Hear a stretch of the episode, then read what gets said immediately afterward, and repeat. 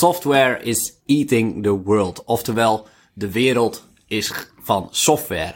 SaaS, we kennen het woord wel, het is eerder langsgekomen. Software as a service. Daar wil ik vandaag diep induiken met je. En met wie kan ik dat beter doen dan Pim Verlaan? Pim, ken je ongetwijfeld, misschien, waarschijnlijk wel van Jong Beleggen. Fantastische podcast met hele leuke gasten die ik iedereen kan aanraden. Maar misschien nog wel belangrijker, naast belegger is Pim in hart en nieren een softwareman. Hij heeft uh, meerdere bedrijven qua software opgericht en zijn portfolio dividend trekken, wat zijn laatste project, project is, echt een SaaS project. Dus hij weet echt wat het bouwen daarvan inhoudt. Hij staat met zijn poten in de klei. En Pim, welkom, leuk dat je er bent. Ja, dankjewel voor de uitnodiging. Ik, uh, ik heb er heel veel zin aan om de softwarewereld uit te verdiepen, ook vanuit beleggingsperspectief, want die koppeling kan jij dus maken, belegger en softwaremaker. En ik denk dat we ook heel veel uh, leuke voorbeelden van bedrijven gaan bespreken. Want uh, ja, als ik ben alleen maar belegger, ik heb niet die technische achtergrond die jij wel hebt. Dus ik wil je eigenlijk hem van de lijn vragen als dat mag. Ja, natuurlijk. Ik denk dat je jezelf ook niet moet onderschatten dat jij ondertussen ook wel veel weet van software. maar laten we er een leuk gesprek van maken. Ja, want ik zat laatst uh, in Amsterdam uh, toen mijn hele kop verbrand was na die vier uur gesprek wat we hebben gehad. Uh, toen ontdekte ik echt jouw passie voor software. Wat, wat, maakt software zo magisch voor jou? Oeh, ja, dat is wel een, een goede vraag. Ja, ja ik, ik, denk wel een van de allereerste momenten dat ik mijn eigen computer had. Dat je gewoon iets kan creëren vanuit het niks dat, dat de hele wereld kan gebruiken. Dat is een beetje een combinatie natuurlijk met het, met het internet. Dus ja, ik ben wat dingen gaan maken en ja, daar ben ik gaan ja, online gaan zetten. En toen merkte ik dat iedereen over de hele wereld daar uh, gebruik van ging maken. En dat, ja, dat is toch wel een heel machtig gevoel. Uh, en de, buiten dat is het ook een hele creatieve puzzel uh, softwareontwikkeling. Het is heel, heel, ja, ik vind het heel artistiek. Het is heel, heel creatief. Ja, en het, het voordeel is dat het natuurlijk ja, oneindig vermenigvuldigbaar is. Dus je kan heel veel impact maken. Ja, wat is het artistieke daarin? Uh, ja, het is, het, het, nou, software is een best wel een complexe puzzel. Dus het gaat natuurlijk om uh, zowel code uh, als, als natuurlijk hoe het eruit ziet, hoe het gebruikt. En het zijn heel veel verschillende disciplines die bij elkaar komen. en ja, het is eigenlijk software, je kan al softwareontwikkelen omschrijven als gewoon constant problemen oplossen en dingen efficiënter maken, proberen het beter te doen. Het is één grote puzzel. Ja, en je bent natuurlijk hartstikke cool. Toen ik nog uh, van de middelbare school kwam, gingen nog veel mensen economie en zo studeren. Omdat je dacht, daar, uh, daar valt geld te verdienen. En dan was het nog een beetje een nerdgehalte als je de IT- of programmeerwereld inging. Maar dat is totaal omgedraaid. Ja, nou dat klopt. Ja, ja ik werd vroeger ook wel uh, gezien als, als nerd. helemaal door mijn omgeving. Wat eigenlijk heel veel mensen heel grappig vinden in de industrie. Want ik word niet gezien als een typische nerd. Uh, maar dat was toen de tijd zeker, ja. Uh, ja, ik denk, uh, praten we over een beetje, wat is het? Jaren twee, iets voorbij 2000, 2003, 2004. Ja, als je iets met computers deed, iets met online, iets met software, dan werd je heel snel gezien als een nerd. Maar nu, ja, nu, nerd rules the world. volgens mij heeft Bill Gates al een keer gezegd dat je, je moet altijd aardig zijn tegen de, tegen de nerd in de klas, want voor je het weet is die je werkgever over een paar jaar. Dus, ja, tijden zijn veranderd, hè? Ja.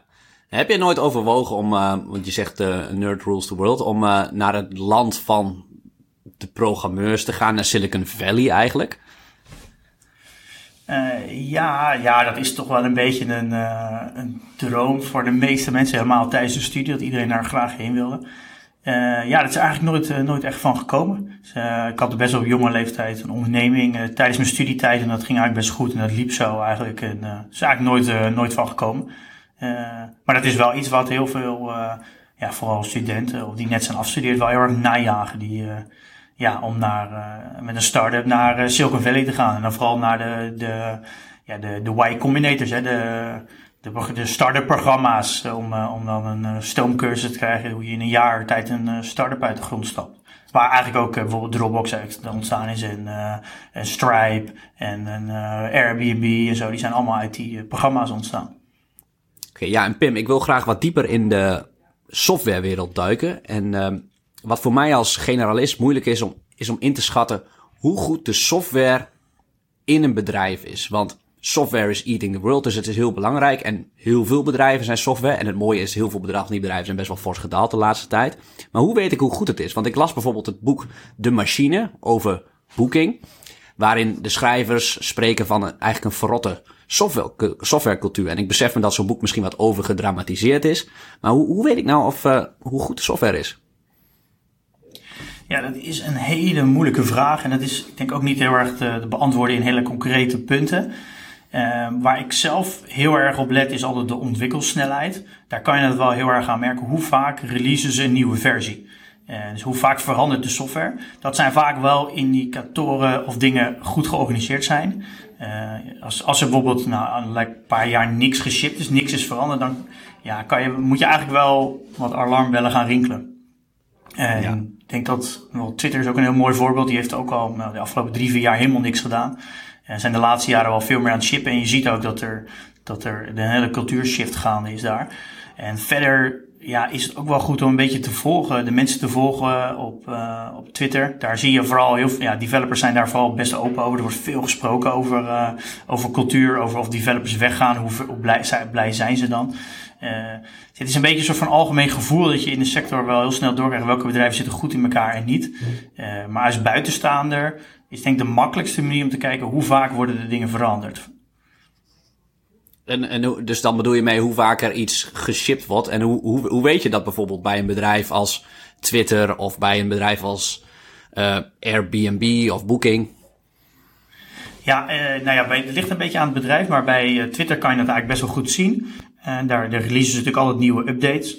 Dus dat releasen ze vaak gewoon in een, in een persrelease. Of er zijn vaak uh, product owners of bepaalde ja, noem het zo, chief of product of head of product. Dat zijn een beetje functies die, die dan op Twitter vaak een, een nieuwe functionaliteiten presenteren.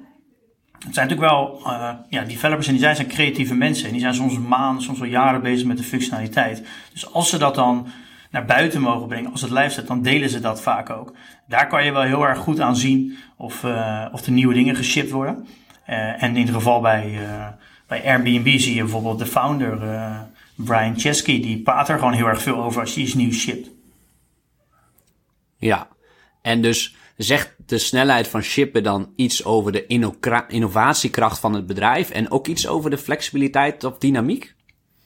Ja, ja, eigenlijk wel. Als je, als je over code praat, dan moet je eigenlijk zo zien dat ja, je hebt heel erg snel te maken met legacy. En legacy houdt eigenlijk in dat, dat je, als je zegt 100 uur besteedt per maand, hoeveel uur van die ontwikkeltijd ben je nou kwijt in het onderhouden en in de lucht houden van wat er is, dus legacy.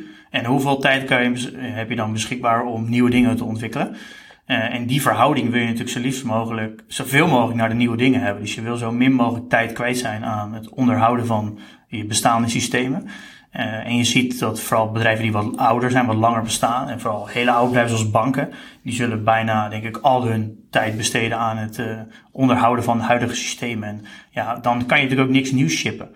Uh, en ja, dan kom je op een gegeven moment in zo'n uh, ja, zo'n visueuze cirkel, dat je dus alleen maar ben, be ja, bezig bent met het onderhouden wat je hebt. Dan kom je eigenlijk helemaal niet meer vooruit. En als dus mensen om je heen, concurrenten om je heen, wel heel snel bewegen, ja, dan raak je gewoon steeds verder achterop. En dan is het op een gegeven moment niet meer in te halen. Want dan krijg je natuurlijk het heel effect dat mensen niet meer voor je willen werken. Dan is de cultuur niet leuk, die werken niet meer met de nieuwste technologieën.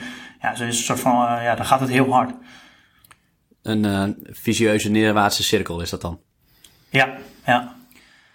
En uh, ja, want uh, ik, ik worstel daar een beetje mee. Want Booking, in dat boek gaat het over dat ze bijvoorbeeld een oude programmeertaal hadden. Perl heette dat, geloof ik. Ja. En wat moet zo'n bedrijf dan doen om toch die slag te kunnen maken naar weer een uh, snel shippend bedrijf bijvoorbeeld?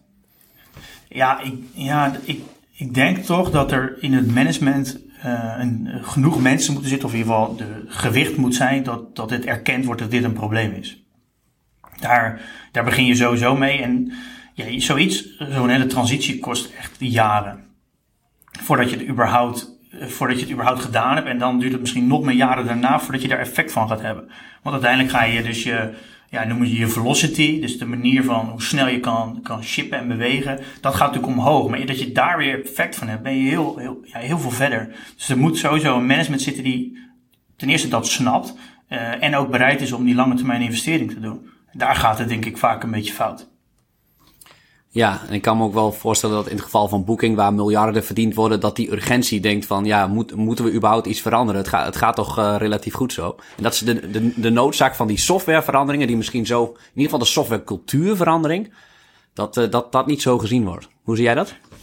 Nou ja, dat klopt, ja, dat, dat klopt wel natuurlijk. En ik, ik denk ook bij, dat is natuurlijk een beetje het verschil per branche. Kijk, als je, zolang je heel lang geen concurrent hebt die niet echt jou aanvalt, dan word je misschien ook een beetje lui dan. Maar eigenlijk is het een soort van uh, tikkende klok. Want je, je krijgt steeds meer legacy, steeds meer legacy. Dus je bouwt eigenlijk een soort van vulkaantje op uh, aan, aan problemen, zonder dat je dat echt door hebt. Uh, en totdat er een keer een andere partij komt die de allernieuwste technologie en echt snelheid pakt. Ja, dan, dan, kan je, dan ben jij een soort van helemaal vastgeroest. En dan kan je niet meer mee. Ik denk dat banken zijn hier gewoon echt perfect voorbeeld van. Die zijn gewoon jarenlang, hebben ze nooit meer, gewoon niet meer geïnvesteerd in in zichzelf ja, uh, ja, snel houden, eigenlijk flexibel houden. Ja, dan, als er dan een keer een grote golf aan nieuwe partijen komt, dan, ja, dan zit je te vastgeroest. Dat, ga je gewoon niet meer volhouden. En dat is een beetje het, uh, ja, soort van misschien het gevaar voor boeking. Dat het een soort van, ja, een soort vulkaantje is eraan gaande. En, uh, en als je, ja, zolang er geen concurrentie valt het niet op, totdat er echt mensen om, om boeking heen gaan bewegen. Ja, dan, kan het, dan komt er in één keer het lek naar boven. Ja, dan word je, word je in één keer weggevaagd. En dan ben je de mammoetanker die de, door de speedboot vooruit wordt gestreefd. En ik, ik, ik, zit zelf dan ook te denken aan de auto-industrie. De Duitse autobouwers, de Franse autobouwers en, en dan Tesla. Um, die ook in één keer eigenlijk van Tesla, dat gaat nooit lukken, naar we zijn ze voorbij. In, eigenlijk in, in no time. En hoe snel dat is gegaan. Ja, ja maar Tesla innoveert zo echt insane snel. Die, de, de pace, hoe ze hebben, de, de velocity daar is zo extreem hoog. Ik heb zelf ook een, eh, een, Tesla gehad. Ik denk dat ik daar elke drie, vier weken een nieuwe update in de auto kreeg. Dat is echt ongekend voor, voor hardware. Ja, eh, bijvoorbeeld Apple shipt één keer per jaar nieuwe software op hun telefoon. En uh, bij Tesla kreeg ik het gewoon elke maand. Ja, dat is echt dat is een snelheid. Dat is echt ongekend. Dat zie je nergens. Uh, en door die snelheid zijn ze, hebben ze die voorsprong in vrij korte tijd uh, kunnen overnemen. Eigenlijk. Of vrij de, de eerste positie kunnen overnemen. Denk je dat ze nog in te halen zijn? Ja, nou ja, als Tesla iedereen kan inhalen, kan uiteindelijk een andere partij ook Tesla inhalen. Uh, dat is 100% afhankelijk op welke snelheid Tesla blijft shippen. Als Tesla die, als ze steeds groter worden, krijg je ook, ze hebben steeds meer auto's, steeds meer modellen, krijg je ook meer legacy.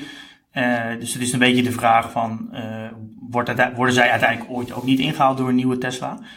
maar zolang die cultuur er blijft en hij kan dat bewaken, dat, dat ze blijven shippen, ja, dan zijn ze niet meer in te halen. En ik denk dat dat uh, dat big tech en vooral uh, bijvoorbeeld Microsoft na de switch naar de cloud en Apple en Google dat allemaal zo goed begrijpen dat zolang je blijft innoveren, blijf, ja, nieuwe dingen blijft maken, dan ben je gewoon niet meer in te halen.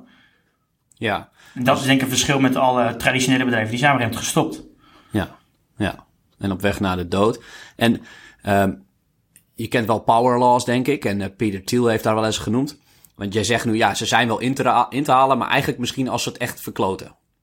Uh, als ze uh, gewoon hetzelfde blijven doen met hun innovatievermogen en de snelheid van uh, shippen en dergelijke, dan is het niet meer in te halen in een exponentiële wereld. Stel, stel dat we tien uh, soorten Tesla's hebben, maar allemaal in andere sectoren en iedereen heeft het innovatievermogen van Tesla. Dan gaat er misschien één of twee gaan het verprutsen, maar de rest is gewoon de komende 30 jaar niet meer in te halen. Ja, ik denk het wel. Ja, ja daar denk ik wel, ja.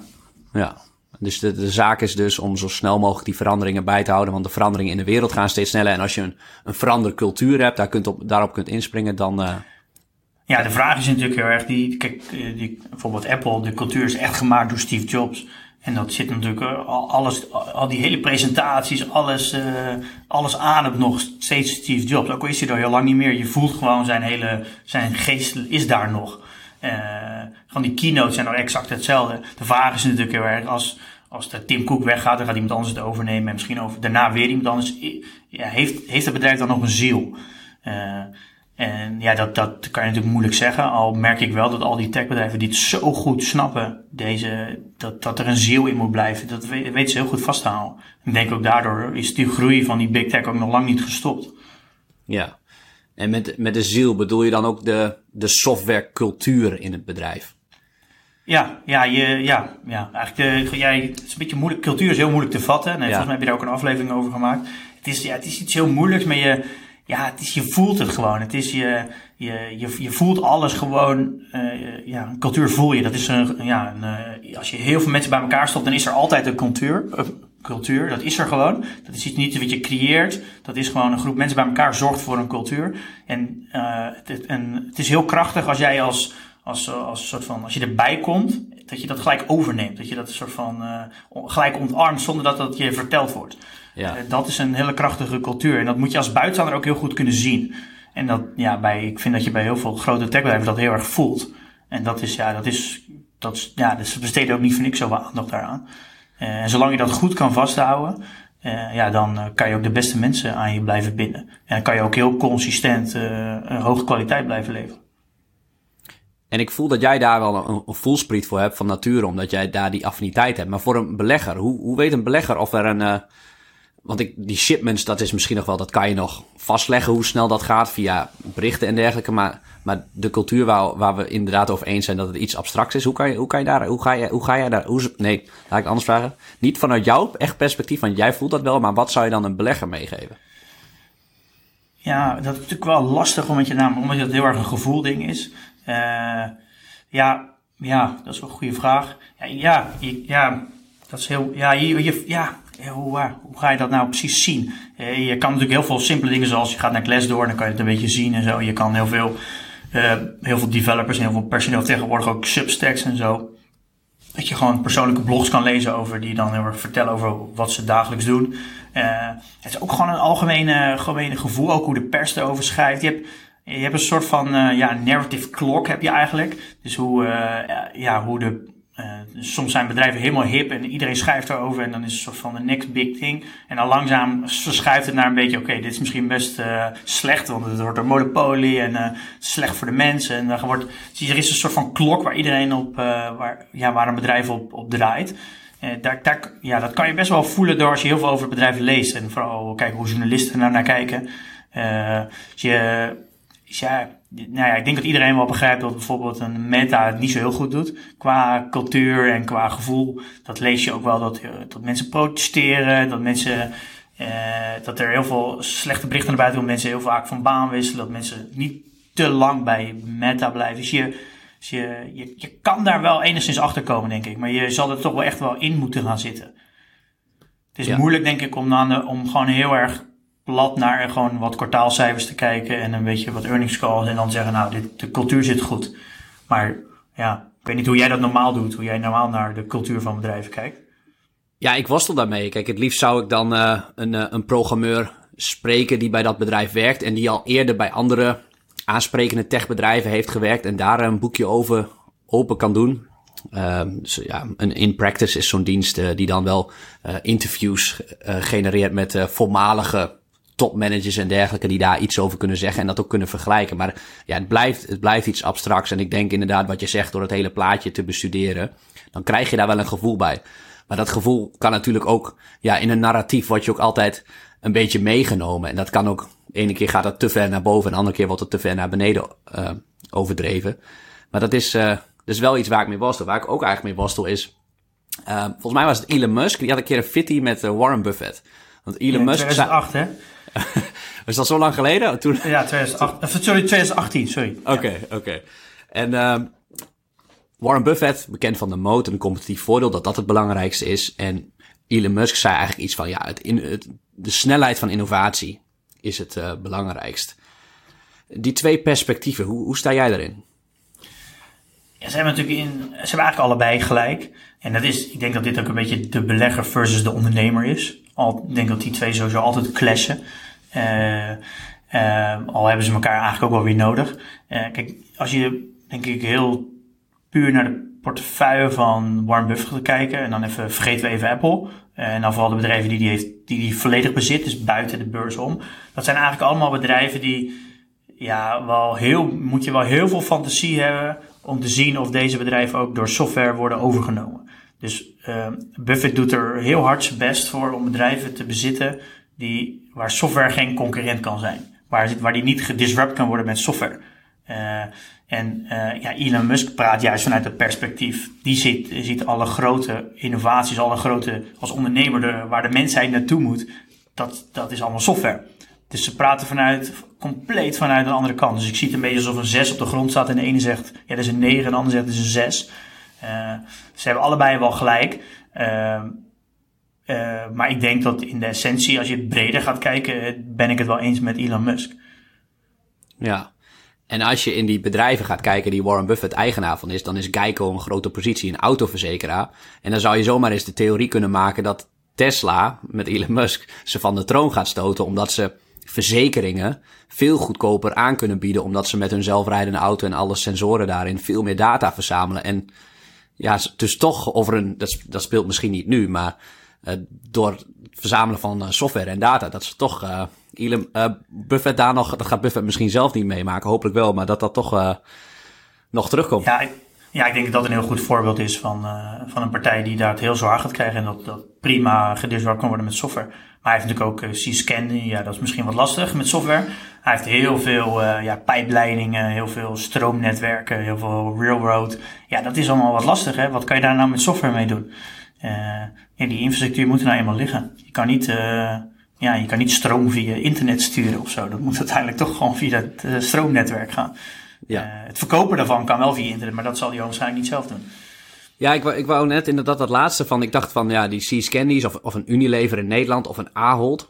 Ja, voor mijn gevoel staat Ahold ook vanwege software onder druk door bijvoorbeeld een Picnic die daar veel meer op draait en veel meer uh, dat soort zaken weet. Uh, zijn dat soort bedrijven niet ook, misschien niet nu al, maar op de lange termijn uh, aan te vallen? Ja, ja sowieso Ahold zeker. En ja, Picnic is een mooi voorbeeld dat, het, dat het kan. Uh, al denk ik wel dat het, ja, je ziet het dat het best, uh, ja, best traag gaat. We hebben namelijk elke dag boodschappen nodig. Dus dat is niet, het is niet min, het is minder zo uh, exponentieel zo. Het, het, gaat minder zo, zo snel. en ik denk dat meer de, de Unilevers en zo, die, ja, dat is helemaal lastig, denk ik. Want ja, uiteindelijk wat zij doen is gewoon een product maken. En dat, ja, dat moet uiteindelijk bij mensen thuiskomen. En uh, de hele distributie daarvan, dat doen, verzorgen niet, zij niet zelf. Dus ik denk dat daar software wel veel minder kans heeft. Uh, ik denk over het algemeen dat, dat, je, dat je, denk ik, vooral bij Buffett ziet dat hij vooral investeert in bedrijven die, ja, die niet uh, gedisrupt kunnen worden.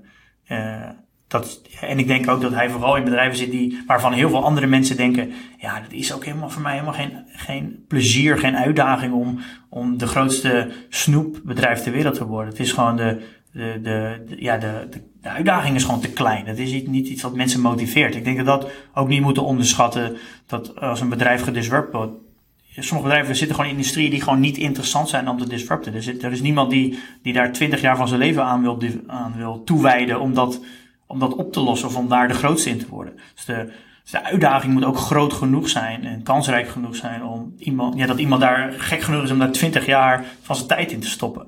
En ik denk dat daar, dat, dat Buffett op die manier heel erg ook naar bedrijven kijkt van is er, kan er een gek zijn die 20 jaar uh, bereid is om, om, om, de, om de grootste te worden in deze industrie. Ja, ja. Nou, laten we naar van de anti-technoloog Warren Buffett op 92-jarige leeftijd ook uh, weer de, technologie induiken. Um, als we het toch over Tesla hebben, die, die zelfrijdende auto. Een van onze leden die stuurde laatst in de Telegramgroep uh, een artikel door uit de Volkskrant. De zelfrijdende auto komt er niet. Jij, ik, ik vermoed dat jij daar wel eens over gefascineerd hebt. Of is, is er een technologische beperking? Of denk jij daar veel over na, over zulke zaken? Ja, die gaat wel komen. Uh, ik weet natuurlijk niet wanneer en in welke vorm. Je kan natuurlijk altijd wel scenario's bedenken waar die niet gaat rijden. de gracht in Amsterdam... Uh, ja, dat, gaat, dat is misschien van de laatste plekken waar hij zelf gaat rijden. Uh, maar ja, er zijn genoeg uh, wegen, vooral in denk Amerika, Canada, waar die zijn zo lang en zo recht. En dat gaat prima werken hoor. Ja, waarom niet? ik heb zelf wel, ik moet zeggen, ik heb zelf een, al een Tesla gehad, die reed gewoon, ik denk 90% van de tijd al zelf. Ja. En deze week kwamen dus cijfers van Baidu. En die zeiden, ja, de zelfrijdende taxi. Hebben we al zoveel uh, mensen mee opgehaald. Het gaat helemaal vlekkeloos. Nou, uh, Tesla en Waymo in Amerika zijn er. Maar Europa valt buiten de boord, boot, geloof ik. Europa is eigenlijk op technologisch gebied vrij kansloos. ja, dit is gewoon echt, wordt echt China en Amerika. En Europa die heeft het nakijken. Op allerlei vlakken hoor. Echt op, van AI tot chips, alle software. Dus gewoon echt, ja. Ja. Ja, dat is gewoon einde. Ja, Ja, daar wat moeten we, wij eh, maar mee doen.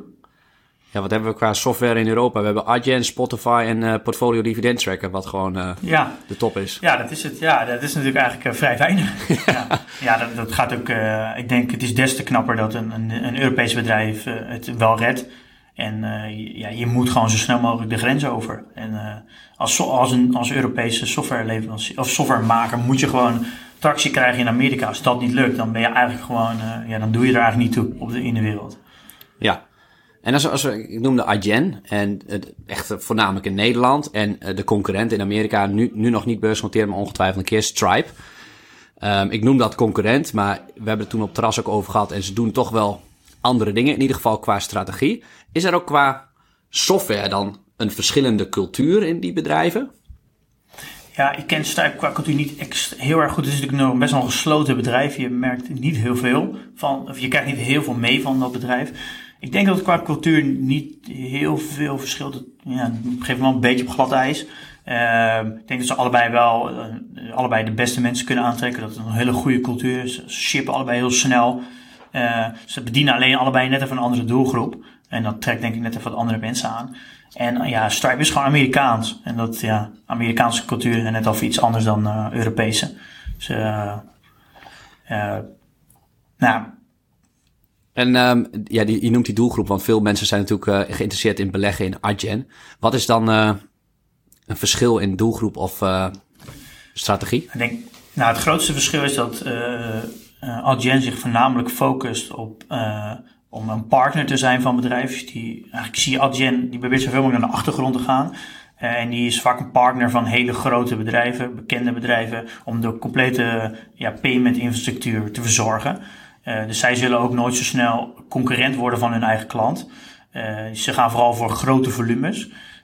En Stripe is vooral bedoeld, of voornamelijk begonnen, laat ik zeggen, nu bewegen ze wel naar elkaar toe, voor echte kleine, eh, ja, kleine bedrijven op het internet. En de, de gebroeders, eh, de eerste broeders, eh, die, eh, die, hebben, die zijn dat ook begonnen omdat ze in het verleden een softwarebedrijf hebben gehad voor Stripe. En de betaling was echt super complex om, om geld te ontvangen voor je software. En die zijn uiteindelijk Stripe begonnen. Dus, dus hun basis is dat ze een ecosysteem wilden bouwen voor eh, ja, digitale ondernemers om ja, ja, betalingen te ontvangen.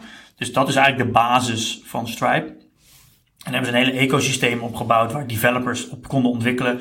eh, om allemaal tools te bouwen om ja, softwareontwikkelaars te helpen om betalingen te ontvangen. Dus de hele invalshoek is compleet anders. En ja, als je uiteindelijk alle kleine bedrijven hebt, dan begeef je natuurlijk steeds naar, naar boven, naar grotere.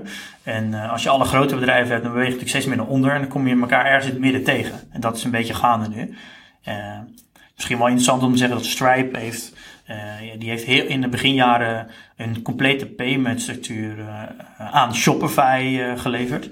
Dus uh, Shopify draait volledig white label op de payment infrastructuur van Stripe. En dat is ook uh, een van de grootste klanten van... Uh, ja, Shopify is een van de grootste klanten van Stripe. Dus, nu relatief valt het mee, maar in denk jaren geleden was dat een best wel groot risico voor Stripe. Ja. En geloof jij dan meer in de strategie van Adyen of Stripe? Of, nou, ik, kijk, ik denk dat als het gaat om de payment-industrie, is dat dit is zo insane groot. Dat, kijk, hoeveel banken hebben we wel niet in de wereld? Nou ja, duizenden, misschien wel tienduizenden banken. Die, de, de payment-industrie is zo groot. Dus je kan echt niet spreken van, ja, het soort van winner takes all. Dat kan niet. Dus er gaan gewoon heel veel partijen ontstaan. En ik denk dat Stripe en Adyen prima naast elkaar kunnen staan. En ik denk, ja, ik niet zozeer echt een voorkeur. Uh, ligt natuurlijk een beetje aan hoe het bedrijf zich ontwikkelt. En uh, je kan er nog niet zoveel zeggen over Stripe, omdat het natuurlijk ja, de, de, cijfers zijn nog niet inzichtelijk. Je weet niet zoveel van het bedrijf. Maar ik denk dat ze prima bijna naast elkaar kunnen bestaan. Net als Visa Card, Visa en Mastercard ook gewoon samen bestaan. Ja, is wel een lucratief uh, duopolie, zeg maar. Uh, ja, volgens mij hebben ze, uh, volgens mij heeft Adyen, en ik weet niet of het nou gecombineerd met Stripe is, maar ze hebben volgens mij maar 1% van de hele payment betalingen. Dus het is, ja, het is super klein nog. Dus er is nog heel veel ruimte. En er zijn ook heel veel lokale partijen. Bijvoorbeeld Molly in Nederland. Dat is eigenlijk een mini-stripe. Zo, heeft heel, zo hebben heel veel landen. Die hebben allemaal een Molly. Allemaal de kleine. En, En dat vinden vaak partijen fijn, want dan kunnen ze met een lokale partij integreren. En, maar ik denk de echte grote partijen zullen denk ik toch wel, uiteindelijk denk ik wel Adyen en Stripe worden. Ja, want als je internationaal gaat, dan wil je al snel zo'n internationale speler ook als een klant internationaal gaat. Ja, wat ik denk waar Adyen heel hard door gegroeid is, is dat ze een van de eerste spelers waren die bijna alle betalingen in de wereld ondersteunen. Dus als neem bijvoorbeeld een uh, nou ja, Netflix, dan heb je zeg 160 landen klanten zitten. Dan wil je het liefst natuurlijk, als je gaat samenwerken met een partij, dat je dan ook, dat die ook in 160 landen lokale uh, betalingsvormen aanbiedt. Dus we hebben in Nederland zijn we echt verknocht aan uh, Ideal. Maar zo heeft elk land zijn eigen Ideal variant en zijn eigen voorkeuren. En je wil natuurlijk eigenlijk met een partij samenwerken die dat allemaal ondersteunt. Zodat dat de kans dat iemand betaalt aanzienlijk groot is. En dan heb je het er ook nog te maken met ja, fraudedetectie en zo. Check of dingen wel echt zijn. En dat moet allemaal per betalingsvorm gecreëerd worden. En daar heeft Adyen zich heel in, het beginja, in de beginjaren heel erg op gefocust om alles te ondersteunen. Uh, dus dat is een van de grote, was toen de USP's van uh, Adyen. En Stripe heeft dat volgens mij de laatste jaren wel aardig ingehaald. Dus die is nu wel vrij gelijk. En een ander ding is dat, waar, Stripe, of waar Adyen heel goed in is, is dat ze een omni-channel doen. En dat, houdt in, dat zijn dat vooral de, de grote ketens, zoals een, bijvoorbeeld Domino's. Die verkopen pizza's gewoon, gewoon in winkels. En soms is één klant die gaat naar winkel A, dan de volgende dag naar winkel B. Dus als die s'avonds gaat stappen, dan koopt hij nog een pizzapunt op het Leidseplein. Uh, en die, verkoopt, ja, die koopt ook wel eens een pizza via de app of via de website. Maar dat is één klant. Maar soms weet je niet dat het dezelfde klant is. En wat uh, heel goed kan doen is, die kan dat heel goed mappen. Dus die kan aan domino's doorgeven dat het een, dat het één dezelfde klant is. Dus maakt niet uit via welke vorm je betaalt. Adyen kan dat mappen als één persoon. En daardoor krijg je hele goede, ja, ja, krijg je hele goede gestructureerde data wat heel veel inzicht geeft. En dat is eigenlijk de, een beetje de kracht van Adyen waarom al die grote partijen en vooral de, de retailers en zo en de, en, de, en daarom zijn ze ook goed in travel, de, de de, uh, de airlines en zo. Ah, dat, is, dat is waar ze heel goed in zijn. Daarom zijn ze nu ook bezig met, die, uh, met een eigen hardware. Om, uh, dat je ook die point of sales in de winkels hebt. En ze hebben nu een samenwerking met Apple. Dat een iPhone ook een uh, pinapparaat is. Dat je twee iPhones tegen elkaar kan halen en dan kan je betalen. Ze, ze proberen gewoon een, uh, ja, welke vorm ook. Ze zijn natuurlijk neutraal. Ze zitten in de achtergrond. Dus de manier waarop je betaalt maakt Adyen niet uit. Zij willen gewoon zorgen dat, je, dat ze alles kunnen mappen. En zo goed mogelijk de data kunnen teruggeven aan klanten. Zodat klanten ook kunnen zien van als we een nieuwe locatie openen. In bijvoorbeeld, uh, zeg de H&M is klant. We openen een filiaal in uh, veel, Leiden. En dan kunnen ze zien van gaat het dan op de e-commerce sales in Leiden? Heeft dat dan effect? Hm. Als we een winkel openen. Ze, ze geven heel veel inzicht en heel veel data. Dat is eigenlijk een product wat, wat voor, ja, voor bedrijven zoals een Domino's of een, een H&M natuurlijk nooit zelf te bouwen is. Dus het is echt niet te doen. Ja, ja. En volgens mij zei Steve Jobs het. mensen die serieus zijn over software, die moeten hun eigen hardware bouwen. Nou is dat misschien voor portfolio dividend tracker nu nog niet van toepassing, maar je weet niet hoe de toekomst loopt. Maar geloof jij in die uitspraak?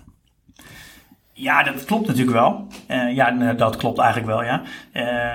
Ja, ja, dat klopt. Daar ben ik helemaal mee, eens. Hardware is extreem complex en heel moeilijk. Ik denk ook als je de boeken van Steve Jobs leest en de biografie en zo, dan merk je ook dat alle struggles en altijd komt vanuit hardware-software combinatie. nou ja, ik denk dat, kijk, hoe, hoeveel partijen leveren er nu software en hardware in één? Die zijn er bijna niet. En als je kijkt hoeveel pogingen heeft Big Tech wel niet gedaan om hardware te maken. En hoeveel pogingen heeft Google wel niet gedaan of Amazon. Dat is dat bijna allemaal niet gelukt. Hardware is zo, zoveel meer complex dan software. Uh, en die combinatie van is helemaal complex. Het zijn twee compleet verschillende culturen, twee voor, onwijs andere vormen van ontwikkelen. Software is heel erg ship fast. Uh, en breakthings, een beetje die filosofie. Nou, met, met hardware werkt dat natuurlijk helemaal niet. Onwijs trage feedback cycles. Het is heel moeilijk. En je ziet ook dat de partijen die het wel lukken, dat is een soort van holy grail. En ik denk dat de bekendste voorbeeld is natuurlijk nu Tesla. Nou, Apple. En misschien in kleinere voor, voorbeelden zijn misschien wel Alphen. die maken laadpalen in eigen software. dat is misschien wel een goed voorbeeld.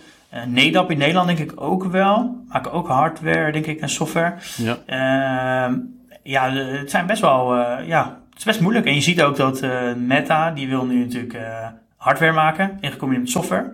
Ja. Kijk hoeveel geld ze daarin stoppen. 10 miljard per jaar. ja, ik, het is echt, uh, je weet niet of het gaat werken. Gaan we niet of het gaat lukken. Hè? Als iemand zegt dat hij eigen hardware gaat maken, dan moet je echt, dat is een red flag, jongen. Dat is zo complex. Ja. Maar... Spotify heeft ook eigen hardware gemaakt in de auto. Ja. Ook mislukt. Nou ja, ik denk dat bijna elk, uh, elk boek wat je leest over een groot techbedrijf wat software maakt, heeft geprobeerd hardware te maken, is niet gelukt. Ja, maar je, jij zegt dus je moet, het, je moet het wel proberen. Want als het lukt, dan, uh, dan is het kassa.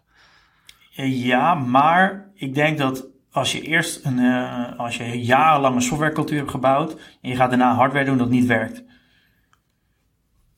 ieder geval, er zijn weinig voorbeelden waar dat uh, zo gelukt is. Ik denk dat het, de partijen die het gelukt hebben, die hebben in de core hardware en software samengebracht. En helpt het dan dat een Alphabet een, uh, een Fitbit koopt? En dat daar wel een hardwarecultuur in zit? Ja, er is natuurlijk altijd de vraag van hoe groot is dat team en hoe wordt dat geëmbed en hoe wordt het serieus genomen. Kijk, als het maar een team van 50 man is die bij Fitbit werkt aan hardware en je integreert dat in, in Google met, uh, wat is het, uh, tienduizenden medewerkers, ja, dan kan je afvragen hoe, dan is het druppel op een gloeiende plaat, dat werkt niet. Ja, ja. Oké. Ander onderwerp. Softwarebedrijven zijn best wel fors gedaald de laatste tijd op de beurs. En veel beleggers in die softwarebedrijven zijn ook bang voor de hoge personeelskosten van alle programmeurs. Dat komt onder andere uh, naar voren in de share-based compensations en de grote verwatering daarin. Maar natuurlijk ook gewoon in de salarissen. En daar betaal je de hoofd, hoofdprijs voor. Nou heb je twee bedrijven benoemd, Adyen en Stripe. Als je dan de omzet per medewerker bekijkt, dan is Adyen eigenlijk zit veel beter. Een veel hogere omzet per medewerker, dus naar verhouding veel minder medewerkers. Hoe, hoe kijk je daar tegenaan? E eerste vraag is eigenlijk of kleinere teams veel beter kunnen zijn dan grotere teams. Uh, ja, kleine teams zijn veel beter dan grote. Uh, sowieso. Uh, en in software kan dat ook wel. ik denk dat Adyen, de, grootste kritiek op Adyen, en vooral vanuit Amerikanen, is altijd de stock-based compensation. dat, en, dat je een Adyen veel te weinig betaald krijgt. en ik denk ook dat als je Adyen goed wil aanvallen als Stripe, moet je gewoon een, een kantoor openen, en op de, ook op de Rokin naast Adyen en gewoon veel beter gaan betalen. Dan, dat, dat, dan ga je Adyen het beste aanvallen. Gewoon personeel weghalen en veel beter betalen. Uh, dat is ook het grootste kritiekpunt op de, ook de analisten van jullie betalen te weinig. Ook al zijn ze nu wel de, de compensatie aan het verhogen, want ze hebben de laatste half jaar 400 mensen aangenomen. Uh, dus ze, ze, nemen dit kritiekpunt wel serieus. Uh, alleen de bo hele bonusstructuur in Europa, voor, in bijzonder Nederland, is gewoon heel moeilijk als het gaat om stock-based compensation. Dat wordt gewoon extreem belast. Ja. Dus dat is veel minder gunstig. Daarom is het in Amerika veel meer, ja, meer normaal. maar ik denk dat, ja, dat dat wel een, ja, een, een, een, groot onderdeel is, helemaal omdat software developers schaars zijn, om de allerbeste mensen te krijgen. Dan moet je wel ja, een bepaalde vorm van uh, ja, uh, aandelen geven. En uiteindelijk is het ook niet, natuurlijk niet verkeerd, want uh, ja, wij willen uiteindelijk allemaal als belegger zijn dat, we, dat het personeel ook, ook hard voor de zaak heeft en ook meedraagt in het succes. Dus alleen, ja, er is natuurlijk ergens een grens waar het, waar, het, ja, waar het misschien een beetje te veel is. Ja, ja. En ja, ik, je zou hem dan vanuit twee perspectieven kunnen aanvliegen. Adyen heeft een concurrentienadeel, omdat ze dus minder betalen en daardoor misschien niet de beste mensen hebben. Of ze hebben een concurrentievoordeel, want ze betalen minder en dus zijn hun kosten lager en kunnen ze aan klanten dus lagere prijzen doorgeven en kunnen ze concurreren tegen Adyen op die manier. Ja, dat zou kunnen. En ik denk ook wel het voor is dat, kijk, als je, bij Adyen betalen ze niet slecht hoor. Dus eh, als je in Nederland woont en je werkt en je hebt dus de kosten van de Nederlandse maatschappij, eh, dan, dan verdien je natuurlijk nog ruim boven gemiddeld. Dus de, dat is natuurlijk ook een beetje het ding. Op een gegeven moment is het natuurlijk een plafond dat meer geld verdienen niet echt nodig is. Het is niet de moeite waard om bijvoorbeeld naar Amerika te verhuizen. Om uh, dan meer te gaan verdienen omdat je daardoor Nederland moet verlaten. Dus er is natuurlijk wel ergens een punt waar het natuurlijk genoeg is. Uh, al is het natuurlijk wel een probleem als je remote kan werken en je kan gewoon in Nederland blijven wonen. Maar je krijgt wel de compensatie van uh, een Amerikaans bedrijf. Ja, dan wordt het wel weer lastig. ja. Dus dat, dat, dat klopt wel weer. Ja, ik, ja, ik weet het niet. Ik, denk uiteindelijk dat, uh, dat het wel een probleem is die je heel makkelijk kan tackelen. Want je kan in principe gewoon meer betalen. En Algen heeft geld voldoende om, eh, om dat ook te doen. Uh. Ja, want even voor de luisteraar. Heb jij een inschatting van wat een programmeur verdient bij een agent per jaar? Oh, ehm, ja, ik denk dat bij een agent zal denk ik tussen de 150, uh, ligt een beetje aan het level natuurlijk. Senior level denk ik wel 150, 200 denk ik, 200.000 euro. Misschien iets meer uh, voor een senior. Uh, maar dan ga je in Amerika ga je toch wel, dan ga je wel richting 3 ton denk ik. dus dan komt er, dan heb je misschien hetzelfde, iets, iets lager basissalaris, maar dan heb je nog wel een, nog een, een stock-based compensation erbij. Ja. En dan komt er bij, als je bij Big Tech werkt, komt er ook nog wel eens een compensatie, een, een bonus bij. Ja, ja. En uh, ja, ik denk dat veel beleggers bang zijn dat een groot deel van de economische winsten die die softwarebedrijven maken, dan toch bij het personeel belanden. Dat ze hun personeel echt wel extreem rijk uh, belonen. En nu de, nu de techwereld misschien iets, uh, ja, in ieder geval de snelle techwereld behoorlijk is afgekoeld. De hele wereld koelt natuurlijk af. Maar daar gaat het natuurlijk allemaal, als het in sneltreinvaart omhoog gaat, gaat ook wel sneller omlaag. Denk je dat we ook een soort van afkoeling gaan zien en een normalisatie in uh, de war on talent op dat gebied? Want ik bedoel, het is natuurlijk altijd vraag en aanbod. En nu, ja, daalt misschien de vraag iets. Maar de vraag is, wat gebeurt er met het aanbod van IT's? Nou, dat zal op den duur wel gaan stijgen. Er gaan steeds meer mensen uh, computertechnologie studeren op de universiteiten. Dus dat lost zich misschien op lange termijn wel op. Heb jij daar een enig idee tussen de balans tussen vraag en aanbod en hoe je dat ook de komende jaren voor je ziet? Ja, ja het, is wel, het, gaat altijd wel een beetje met bewegingen, denk ik. Het normaliseert misschien wel, want het, ging, het sloeg ook echt helemaal nergens op. Uh, ik denk ook nog een ander punt wat, waar, waar je heel moet, erg op moet letten, is dat als je heel veel personeel betaalt, zeg 33% van het salaris is aandelen uh, compensatie. En de beurskoers zakt met 70%. Dan betekent dat heel veel mensen heel weinig verdienen. Of hebben verdiend. En dat is echt wel een probleem in big tech aan het worden nu. Je ziet ook steeds meer uh, dat er gewoon mensen gewoon publiekelijk zeggen: ja, ik heb een aanbod gekregen uh, en met zoveel procent stock-based. Maar ik vind de manier hoe jij jouw waardering, die je in de laatste ronde hebt gehad, zo hoog. Dat als ik dus nu voor die waardering word gecompenseerd, dan, dan geloof ik gewoon niet in. En dat is gewoon een gek geweest die dat voor betaalt. Dus ik, ik accepteer je aanbod niet, want ik, ik, de kans is veel te groot uh, dat, dat je waardering gewoon naar beneden gaat. Dus je ziet ook dat steeds meer developers ook beleggers aan het worden zijn. Uh, dat is nog wel een ander punt. Uh, dus waarderingen moeten altijd, ja, normaliseren altijd wel weer op een bepaalde manier, denk ik. maar we moeten denk ik ook niet vergeten dat de, ja, er zit een extreme hefboom op ontwikkelaars. Op gewoon ingenieurs in het algemeen. Het is, je kan het oneindig vermenigvuldigen. En een A-player die is zoveel, is in, in zoveel meervoud, meer waard dan een B-player. Uh, dus dat is iets wat altijd blijft zitten. En zolang je een hefboomfunctie hebt in je beroep, dat kan natuurlijk in meerdere beroepen, is dat zo. Maar als je, als je output oneindig heeft en geen plafond, is, geen plafond heeft, dan, ja, dan wat kan je aan iemand betalen? Uh, dus met, bijvoorbeeld met schrijvers ook. Als, iemand, ja, als, jij, jij weet dat iemand een, de nieuwe Harry Potter gaat schrijven, ja, wat ga je diegene dan betalen? Ja, waar, is, waar ligt het plafond? Uh, ja, je, je kan honderd mensen Harry Potter laten proberen, maar als het ja, allemaal Beyblades niet lukt, dan betaal je bijna niks. Het is het wel, ik denk dat dat concept van dat iets uh, geen plafond heeft en ja, de, de output ja, gewoon bijna onbeperkt kan zijn in waarde niet, niet echt onbeperkt, maar dan, ja, dan blijven altijd de prijzen die je daarvoor betaalt, dus blijven hoog. Ja, ja. Je ziet natuurlijk ook in de sportwereld die zogenaamde superster-theorie, die zo de echte top krijgt, zo exponentieel meer betaald dan, uh, ja, dan de middenmoot. En dat zie, zie, zie je dat ook in die programmeerwereld? Dat gewoon, als het echt een superster is, dat, dat ze gewoon ook een salaris geven van 10 miljoen voor een uh, senior programmeur? Of, of, of, Nou, nee. Nou, dat niet echt, omdat namelijk je kan natuurlijk niet in je eentje programmeren. Uh, je, je, werkt altijd met teams, dus dat zullen ze no ja, dat, ten eerste zal je dat nooit echt achterkomen, denk ik. Uh, maar dat programmeren is, is niet echt een uh, net stopsport en echt iets wat een directe output is van een individu. Dus het zal meer een grotere groep mensen zijn. Ehm, maar ja, die zal wel, je hebt wel groepen mensen die, die gewoon veel beter zijn. En ja, als je een groepje A-players wil bij elkaar zetten, dan zou je er ook echt voor moeten betalen. Ja, hier, kijk, voorbeelden van, het zijn wel een beetje de klassieke voorbeelden, maar ja, bijvoorbeeld naar kijk naar naar Instagram en WhatsApp, met hoe weinig mensen die dat gebouwd is en hoe groot dat al was. Het is, ja, dat kan je, ja, je, die, je miljoenen, honderden miljoenen gebruikers met een team van 18 man. Ja, ja, bizar, bizar. Ja, dat is de, ja, dat is de, ja, een extreme output. En uh, als, je, als je gelooft in die uh, Big Tech, die hebben, die hebben zakken met geld, honderden miljarden om te besteden. Dus als je gelooft in die supersterrentheorie en dat die bedrijven de beste mensen kunnen inhuren, want dat maakt natuurlijk niet zoveel uit op die uh, grote zakken met geld. Ja, dan zijn die, zijn die eigenlijk niet meer in te halen. Nou, zijn natuurlijk ook concurrentienadelen als je zo groot bent, van de cultuur en de dynamiek. En misschien is het, als je een bevlogen ondernemende programmeur bent, helemaal niet leuk bij die techbedrijven. Hoe kijk jij naar zoiets?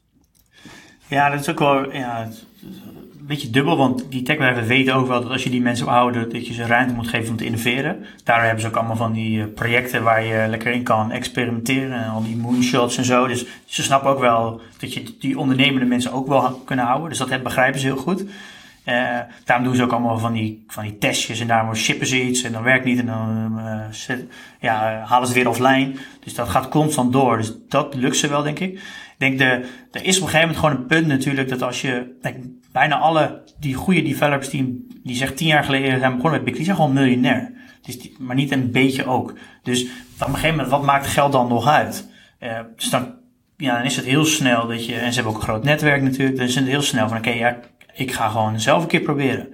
En dan is het gewoon, dan zoek je een soort van, ja, dan zoek je iets wat je, wat je drive. En dan is, als geld helemaal niet wegvalt, dan, uh, als je niet te koop bent, ja, dan, uh, ja, dan, dan, ja, dan, dan kan je dus ook geen, uh, ja, dan kan, kan, je ook, kan je ook diegene niet houden. Al snappen ze dat ook wel weer heel goed, dat ze dus allemaal van die venture takken hebben. En dat ze dus oud personeel, en ze hebben allemaal van die alumnium groepjes. En dat dus heel snel, als je zegt oké, als, je, als ik je echt niet kan houden, oké, ga dan iets doen. En dan mag ik wel, mag ik dan alsjeblieft wel uh, jou vinden. Dus dan zullen ze op een bepaalde manier weer zorgen dat ze toch, toch daar weer van profiteren.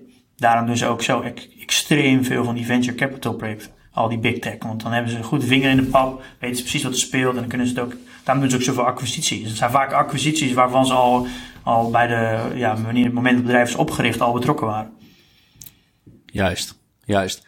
En uh, ik, je hebt mij achter de schermen laten zien hoe uh, de portfolio dividend tracker allemaal is gebouwd. En daar zit ook heel wat code en uh, bloed, zweet en tranen door, aantal, door je hele team in. Lukt het jou een beetje om hier in Nederland nog uh, goede developers te vinden? Ja, nou, ik, het voordeel dat, ik, uh, dat wij uh, uh, PDT, dus de Portfolio Dividend Tracker, runnen vanuit een bootstrap gedachte. Dus ik denk dat de meeste beleggers eigenlijk alleen de venture capital kennen. Dus voordat een bedrijf naar de beurs gaat, heeft het vaak venture capital opgehaald en heel veel durfkapitaal en angel investors. En een andere stroming in softwareland is bootstrapping. En dat houdt eigenlijk in dat je dus niet geld gaat ophalen, waardoor je dus ook automatisch gelijk een exit mee plant en, uh, en constant uh, eh, 100% moet groeien. Maar dat je het meer als een soort van lifestyle business runt, omdat je het leuk vindt om software te maken. en dat je daardoor software, ja, software ontwikkelt, omdat je dat heel graag, omdat je dat leuk vindt. Je hebt alleen een heel groot nadeel dat je natuurlijk eerst een paar jaar moet ontwikkelen voordat de software echt af is en dat je het ook goed in de markt kan zetten. Ja. Um, dus ik, wij doen het bootstrappend. Uh, dus het voordeel is dat ik dus een, klein team hou en dat het dus makkelijker is om, om, ja, het is makkelijker om een klein team samen te stellen dan om een heel groot team samen te stellen. Maar als ik zou willen groeien en flink wil groeien, ja, kan, ja, dan kan ik die mensen niet betalen. En dan moet ik dus venture capital ophalen. Dus het is wel een beetje, uh, ja, het is of heel klein uh, en dan gewoon ook je personeel laten meedelen in aandelen. Of ja, venture capital en dan kan je mensen goed betalen. Dus weet je, dat zijn een beetje de twee modellen in de softwareland. En wij doen het op de bootstrap manier, omdat ik het heel graag een bedrijf wil runnen. Omdat ja, niet, niet per se heel goed wil groeien, maar ik wil iets maken wat ik zelf heel fijn vind om te gebruiken. En waar ik zelf plezier uit haal om het te ontwikkelen. En uh, ik, wil heel, ik wil gewoon geen mensen aansturen. Ik wil graag heel creatief bezig zijn. En ja, hoe kleiner het team, hoe minder ja, voor je heb je geen managers nodig. En hoe meer mensen je kan aannemen die, die ook een expertise hebben. Dus dan, uh, het is gewoon heel leuk werken met een klein team die allemaal extreem goed in, in iets zijn. Uh, dat werkt gewoon heel leuk. Het is gewoon heel aanstekelijk om uh, met hele goede mensen te werken die ergens een passie voor hebben. en dan moet je gewoon kleine teams houden. En dat doen we met PT. En dat, zijn, dat doen we met een team dat ook allemaal, ja, die ook allemaal beleggen. En dat is dus gewoon heel leuk door gewoon iets te maken wat je zelf elke dag gebruikt. En het voordeel is dan ook, dan weet je ook wat niet klopt. Dan weet je wat je mist. Dus het is ook veel makkelijker ontwikkelen. Dus uh, dat is eigenlijk wat, uh, wat we doen. Ja, en ik, ik, ik kan me ook voorstellen dat venture capital, die wil misschien ook controle houden. Maar nu je bootstrapt, heb je ook zelf uh, grip erop. En ja, e, eigenlijk wat voor mij het meest waardevolle functie is, want ik ben erg onder de indruk van PDT, um, is dat je brokers uh, die geven het rendement niet van beleggers. Wel per aandeel, maar je kan nooit weten wat en op jaarbasis. Dus, en ik snap, brokers hebben niet het belang dat mensen hun rendement weten. Die willen niet dat mensen het in zich krijgen van, oh, ik ben misschien niet zo goed bezig. Want psychologisch werkt het zo dat als het niet zo goed gaat, dan filteren we dat uit ons brein. En als het goed gaat, dan denken we dat het wel goed gaat. Dus gemiddeld denken we dat we misschien wel, gemiddeld overschatten we ons rendement van de afgelopen tien jaar. En bij jullie, volgens mij zijn jullie uh, wereldwijd misschien wel de enige, want ik heb nog nooit dat soort software gezien, dat je je portefeuille erin laat vanuit je broker. Allemaal automatisch. En waardoor je het rendement uh, gemeten kan worden. Die wordt gewoon voor je weergegeven. En ook het daadwerkelijke zuivere rendement. Waardoor, waardoor het dus als belegger krijg je een soort van feedback als je een paar jaar hebt belegd. Ben ik goed bezig of moet ik iets veranderen? En dat, ik kan me voorstellen dat dat extreem veel werk heeft gekost. Ja, dat, je noemt er ook precies de functionaliteit die we, die we misschien ja, denk wel het langst hebben ontwikkeld. Uh, en die ook het meest complex is qua berekening. Dat is de, de money weighted weight of return uh, rendementsberekening. Uh, waardoor we gewicht geven aan, aan, aan stortingen. Om een eerlijke performanceberekening te geven. En dan per zelfgeselecteerde periode. En wat ik eigenlijk met PDT doe, is, ze zijn gewoon, nou, dat weet je denk ik ook wel, er zijn heel veel wetenschappelijke onderzoeken gedaan naar wat, de, wat het beste is voor een belegger, voor, voor een retailbelegger. En je, nou, als je dan vanuit dat perspectief naar brokers kijken of naar banken, dan, weet, dan doen ze precies het tegenovergestelde. Ja. Uh, uh, dus wat ik heel erg probeer of met PDT is juist die dingen in PDT te bouwen. Dus ook laat, uh, dus uh, inderdaad je goede rendementsberekening laten zien. Ook laten zien hoe je rendement is opgebouwd. Wat zijn je kosten? Hoeveel procent van de, deze holding heb je in kosten gemaakt. Dus dan geven we ook een melding als het hoger is dan 1%. Let op, dit is te hoog. We proberen heel erg mensen te leren dat je, dat je, ja, dat, dat je een soort van de nudge, dat je, dat er het product stuurt naar dat je betere belegger wordt. En natuurlijk, inzicht in het algemeen is natuurlijk al een hele grote voordeel. Dat je ziet van, oké, ik heb zoveel procent in technologie, zoveel procent in, in, uh, in uh, financials, zoveel procent zit in Nederland, zoveel procent in Amerika, zoveel procent in dollar, zoveel procent in euro's. En ook nog gecombineerd met een ETF. Dus als je een ETF hebt, dat je niet, ja, dat is een beetje een soort van blind spot natuurlijk vaak. Van hoeveel procent zit ik nou in waar, waarin? Helemaal als je ETF en losse aandelen hebt. Zo proberen we eigenlijk de software te bouwen dat, je, dat het gewoon een extra ondersteuning is om, ja, om een ja, misschien een betere belegger te worden. En dan heel specifiek gericht op de Nederlandse markt. Dus uh, we ondersteunen ook de lokale fondsen, zoals een Meesman en een, uh, en een AZR-fondsen. Dus, en ook een Ajax en, en een Alphen, echt de, de small caps hebben we ook. Dus echt een product te maken, echt specifiek voor de Nederlandse markt. Ja, ja ik, ben, ik ben erg onder de indruk. Ik kan het iedereen aanraden. Het is, het is een geweldig product wat, jullie gebouwd hebben. Want het heeft erg veel tijd gekost. Want dat, dit is er dus niet. En ik weet dat er heel veel vraag naar is. En ja, ik, volgens mij kan je het ook nog eens zeven dagen proberen, of niet? Ja, je kan, uh, net met software, dat is natuurlijk het mooie aan software. Je kan uh, een, een, een account maken, kan je zeven dagen gratis proberen. Kan je het gewoon testen, dan kan je het gebruiken. En uh, als je het fijn vindt, dan kan je een abonnement nemen. Ja. zowel een maand of een jaar abonnement, dus 5 euro per maand. Lijkt me een goede deal. Ook een, ook een SaaS-oplossing, gewoon maandelijks betalen, waardoor dat allemaal prima te overzien valt. Ja, en uh, de, ja, 5 euro denk ik dat een heel schappelijke prijs is voor wat je krijgt. En uh, de, uh, ja, de, de, soort van de wedstrijd die wij spelen is gewoon zoveel mogelijk Nederlandse beleggers te opkrijgen. Waardoor het ook voor ons rendabel is om een bedrijf te runnen voor wat maar 5 euro per maand kost. Dus, en misschien wel leuk als toevoeging dat we vrij recent gaan komen met een benchmark functionaliteit. En dat is natuurlijk vooral voor uh, denk beleggers wel leuk om je rendementen ook te kunnen benchmarken tegen een AEX of een, uh, een, uh, een Nasdaq of een S&P. Nou, dat is natuurlijk het laatste dat een broker dat, dat gaat aanbieden. nee, nee, maar dat, dat vind ik ook mooi. Dat wij proberen dat met ons lidmaatschap ook gewoon telkens de waarde ook te verhogen. En dat zijn jullie volgens mij ook van plan. En als ik zie hoe, de, hoe, kort het eigenlijk nog maar bestaat en wat jullie nu al leveren, dan is dat fantastisch. Waar kunnen, waar kunnen mensen dat meer over vinden? Uh, nou, sowieso de product op uh, portfoliodividendtracker.com.